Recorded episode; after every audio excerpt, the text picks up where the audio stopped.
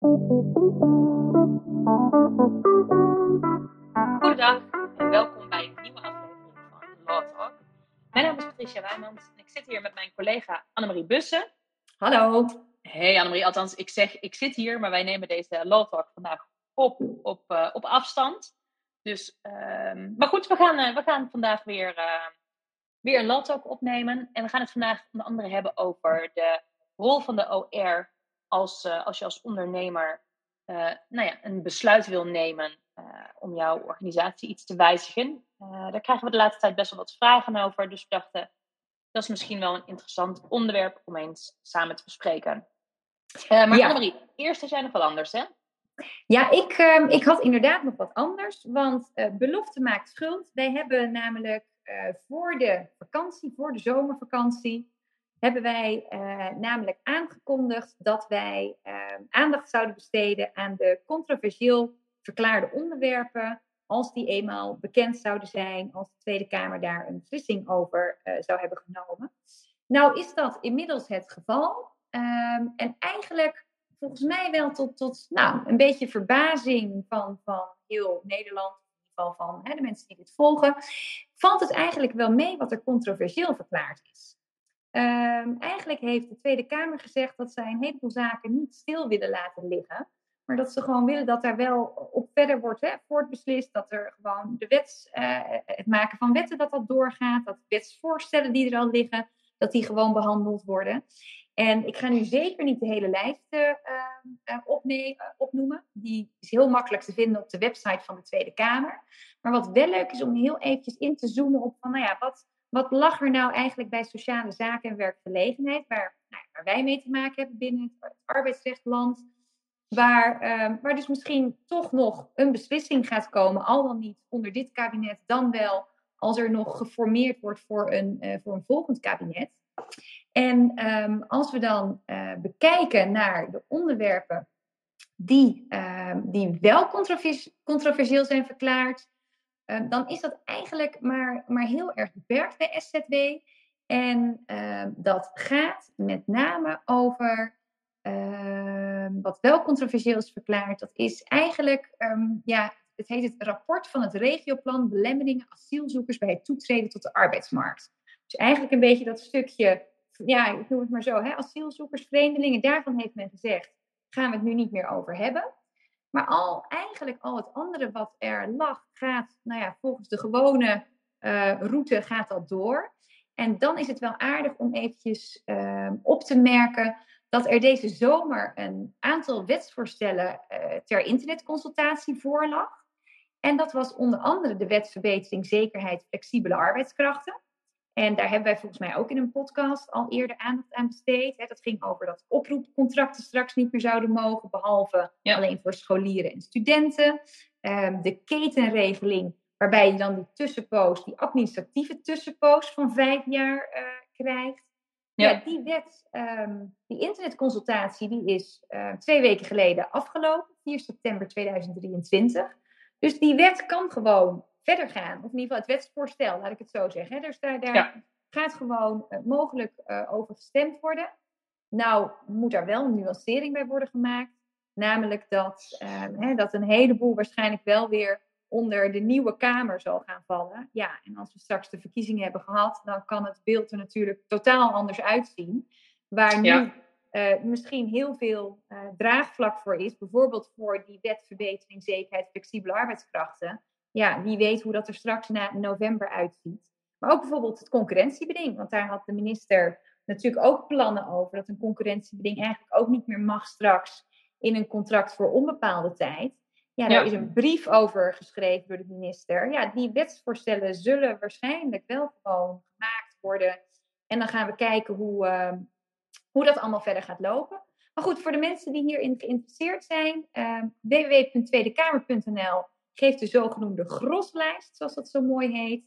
En voor ons in de praktijk is het dus goed om te weten dat wij nog steeds um, nou ja, op moeten blijven letten wat er met de wetsvoorstellen en met de, nou ja, de brieven bijvoorbeeld over het concurrentiebeding gebeurt. Dus hmm. dit in de categorie um, belofte maakt schuld. Um, ja. Dan ja. zijn de luisteraars in ieder geval even op de hoogte wat de controversiële onderwerpen betreft. Dat, dat valt inderdaad voor dit, Nou ja, dat lijkt inderdaad nu mee te vallen qua controversiële onderwerpen. dank in ieder geval, Annemarie. Ehm, even over op het onderwerp waar we mee starten: de rol van de ondernemingsraad. wij zien de laatste tijd vaker in onze praktijk dat, er, dat organisaties toch wat willen inspelen op de veranderende omstandigheden op de markt. En nou ja, dat ze wat dingen willen veranderen. Het gaat dan niet altijd om hele grote beslissingen hè, waarbij een half bedrijf gereorganiseerd moet worden. Maar wij hebben bijvoorbeeld wel uh, een, een, afdeling wat uh, veranderd wordt, waarbij er wat functies worden omgegooid. en wij krijgen nog wel eens de vraag: wat, ja, wat is nou precies de rol van onze ondernemingsraad?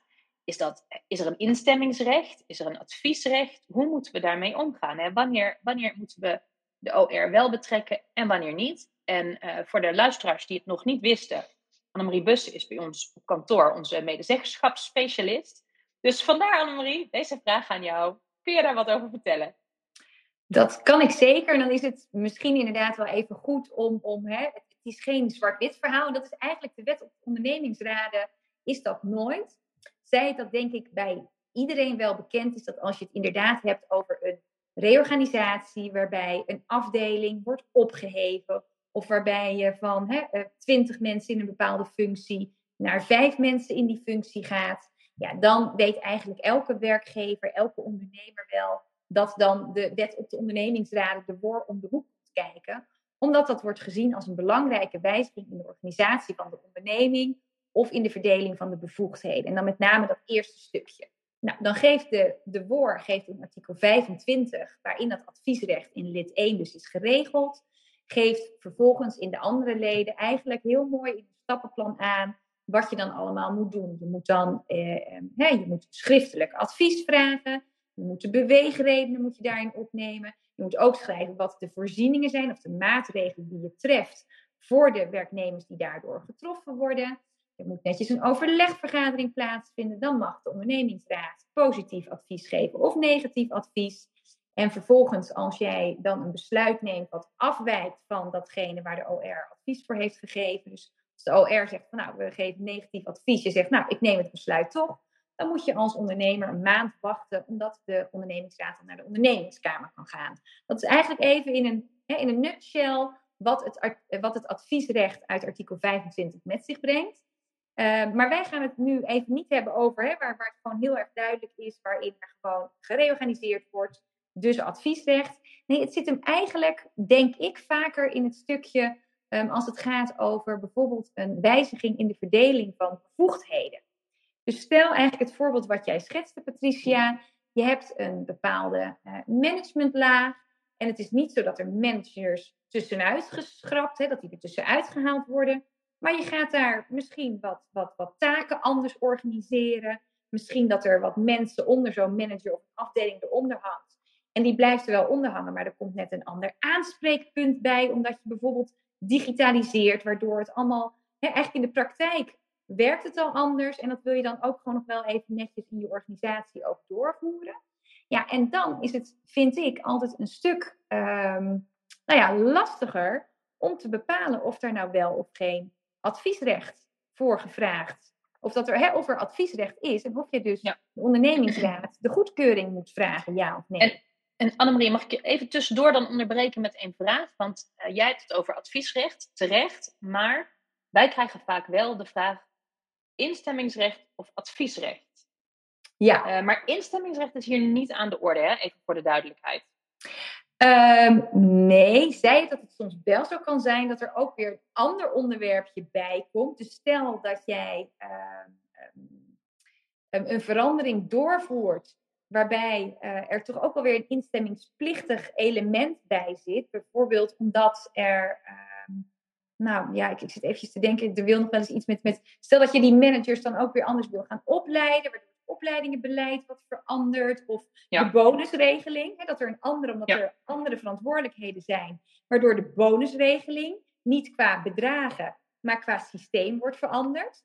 Maar in principe klopt het adviesrecht artikel 25 van de WOR, instemmingsrecht artikel 27 WOR. En het verschil natuurlijk met advies en instemming. Hè, bij instemming is het gewoon ja of nee. En als je geen instemming krijgt, dan moet jij als ja, ondernemer ehm, ehm, ja, eigenlijk naar de kantonrechter om vervangende instemming te krijgen. Of om het toch nog met de OR voor elkaar te krijgen. Maar dat ziet meer op, op secundaire arbeidsvoorwaarden, op regelingen die je wijzigt. Ehm, het kan dus met elkaar samenhangen. Maar vaak is het inderdaad hè, het adviesrecht, als we het hebben over dat voorbeeld Waarbij er dus um, wat, wat veranderd wordt met, met business units. Er wordt wat verhangen.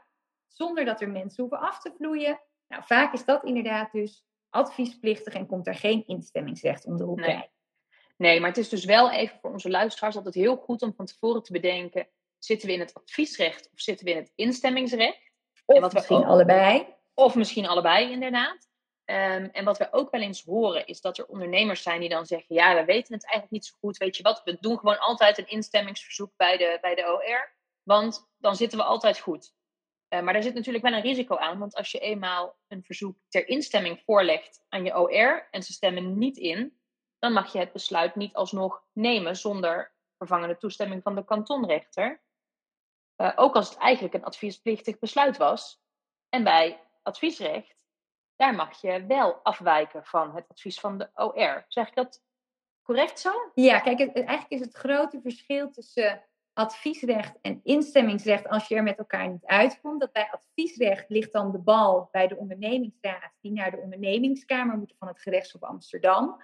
Terwijl als je bij instemmingsrecht uh, geen instemming krijgt als ondernemer, dan moet jij naar de kantonrechter om aan te tonen dat het echt nou ja, kennelijk onredelijk is dat er geen instemming wordt gegeven. Dus dat is inderdaad, dat heeft even bij wie ligt de bal, dat is, dat is ook nog een groot, eh, een groot verschil.